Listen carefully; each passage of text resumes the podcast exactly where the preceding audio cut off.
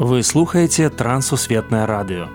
У эфіры праграма урокі гісторыі. Запрашаем у падарожжа падзей, асоб і фактаў. Вучыцеся разам з намі.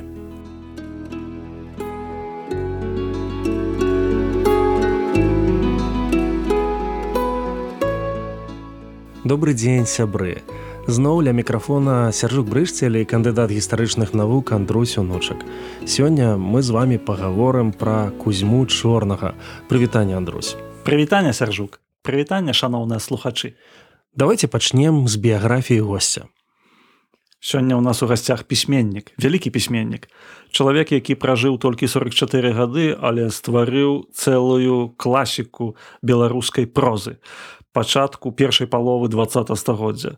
Гэта пісьменнік з вялікай літары. Гэта пісьменнік які мог бы стаць яшчэ больш знакамітым каб ён жыў у іншых сацыяльна-гістарычных умовах.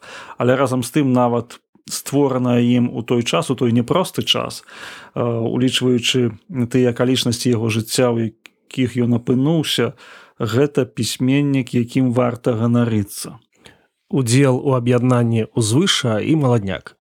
Ён быў чалавекам узвышша. Рэч у тым, што ў двадцатыя гады ў беларускай літаратуры адбыўся такі разлом на маладое пакаленне і пакаленне класічнае. Па ўзросце Кузьма чорны хіба што належаў да маладнякоўцаў, а па сваім светапоглядзе да ўзвышэнцаў. Ён быў прыхільнікам таго, што нельга адкідаць традыцыю, Таму што маладнякоўцы яны крытыкавалі папярэднюю нашаніўскую традыцыю. У нейкім сэнсе нават крытыкавалі класікаў купалу коласа. У нейкім сэнсе яны казалі, што яны зробяць лепш, яны пойдуць далей, але кузьма чорны і тыя пісьменнікі якія аб'ядналіся вакол часопіса узвышша і вакол вузета літаратурнага аб'яднання яны казалі што трэба ісці далей грунтуючыся на класіках або апіраючыся на папярэднюю традыцыю. І ў гэтым сэнсе безумоўна час паказаў што менавіта узвышэнцы мелі рацыю. Ну прынамсі для мяне гэта відавочна. Якія тыпы людзей кузьма чорны паказваў у сваіх творах да кузьмы чорнага імкнуліся паказаць тыпы людзей нейкіх пасіянарных тыпы людзей незвычайных якія перадольваюць акалічнасці свайго жыццёвага шляху якія вырашаюць нейкія такія глобальныя пытанні. А кузьма чорны звярнуўся да звыклага чалавека. Чалавек які апынаецца ў самых розных сітуацыях і чалавек які не з'яўляецца таким у нейкім сэнсе выбітным. Але разам з тым ён пераносіць усе канфлікты усе нейкія такія складаныя моманты унутр чалавека. Ён звяртаецца да унутранага свету ён паказвае што бітва ідзе ў сэрцы ягона галоўнага героя. І што барацьба і лёс чалавека яны адбываюцца нябачна для іншых. І гэта для мяне вельмі важны момант калі чытаеш вось гэты псіхалагічныя творы. Кузьму чорнага нават называюць беларускі дастаеўскі Таму што вось гэты псіхалагізм і гэта тонкая анатомія чалавечай душы безумоўна для нашай літаратуры яна бяспрыкладная. Хрысціянскія матывы ягонай творчасці ведаеце калі мы вернемся да ягонай біяграфіі а ён нарадзіўся ў 1900 годзе і пазней навучаўся у нясвіцкай настаўніцкай семінарыі у ягоным хольным портфелі была біблія. Ён насіў з сабой біблію. Ён быў чалавекам які звяртаўся да пытання добра і зла. І пытанне добра і зла нягледзячы на тое што ён жыў у савецкую больш за тое ў сталінскую эпоху ён бачыў гэты канфлікт біблейскім разуменні гэтага слова. У тым што ёсць універсальны закон якому чалавек можа альбо адпавядаць падпарадкоўвацца альбо бунтаваць супраць яго і ў гэтым сэнсе у ягоным творчасці у выдатна праглядаліся біблійныя матывы у гэтым сэнсе і было вось это хрысціянства якое не здолела сцерці нават савецкая ўлада расскажыце пра нейкія пераломныя моманты жыцця і творчасці з майго гледзяшча было некалькі пераломных момантаў.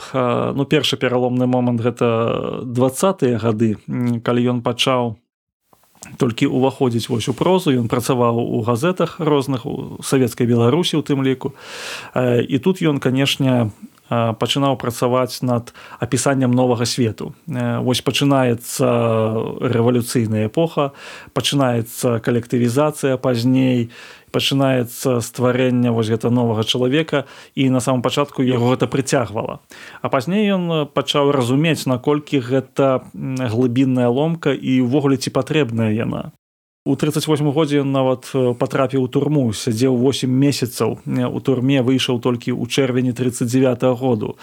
І выйшаў чалавекам які быў вельмі моцна прасякнуты такой ідэяй што сапраўды вось тое што адбываецца цяпер яно не адпавядае тым нормам маралі якім павінна адпавядаць. І ў гэтым сэнсе для яго ну сапраўды быў такі пералом надлом можна сказаць Ён быў чалавекам які эвалюцыянаваў у сваіх поглядах. Ён не быў статычным чалавекам. Ён знаходзіўся пастаянна ў творчым пошуку. І вось па ягоных раманах па ягоных апавяданнях гэта добра відаць. Чаму мы яго лічым класікам беларускай літаратуры? Ну першую чаргу таму што ён стварыў рэчы якія грунтуюцца на вечных каштоўнасцях Ён стварыў раманы, напрыклад, раману вось у пошуках будучыні. Гэты раман прафетычны. Ён імкнуўся зазірнуць у будучыню, ён імкнуўся паглядзець на гэта. У гэтым таксама, дарэчы, біблійныя хрысціянскія матывы. І не ведаеце, ён стварыў гэты раман пасля інсульту у яго быў інсульт і ён страціў зрок. Фактычна ён стварыў сабе такі трафарэт і абводзіў пальцам літары і так напісаў цэлы раман. Ён кожны дзень сядзеў шмат гадзінаў каб скласці гэты раман амаль нічога не бачачы. І вось ён нічога не бачачы ён пісаў пра будучыню. Пра тую будучыню да якой імкнецца кожны чалавек. І ён паказаў што у будучыні любы чалавек у самых складаных абставінах ён аптыміст.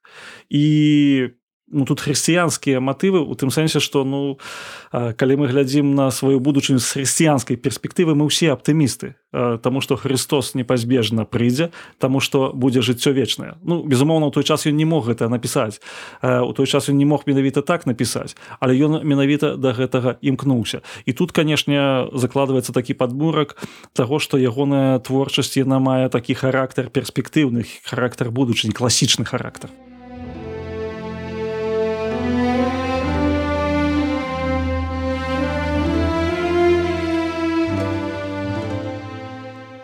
Сапраўднае імя кузьмы чорнага мікола рамановскі. Сям'я рамановскіх была вялікай. Пяцёра дзяцей мікола старэйшы.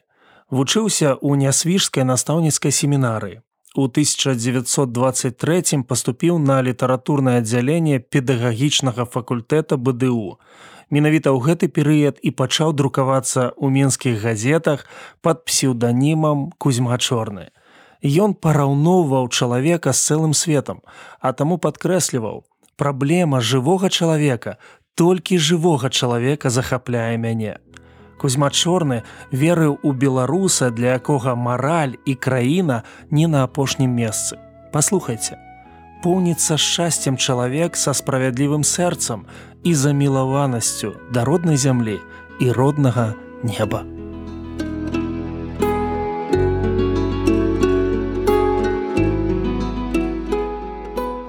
Дзякую, што далучыліся да нашага праекту. Калі ў вас ёсць пытанні, пішыце каля ласка на адрас. Трансусветнае радыё, урокі гісторыі. Паштовая скрынка 45, індекс 22 40 20, горад Брест 20, Беларусь.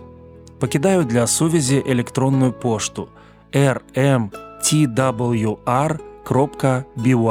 сабачка gmail.com Шукайце нас на сайце twr.fm. Да новых сустрэч!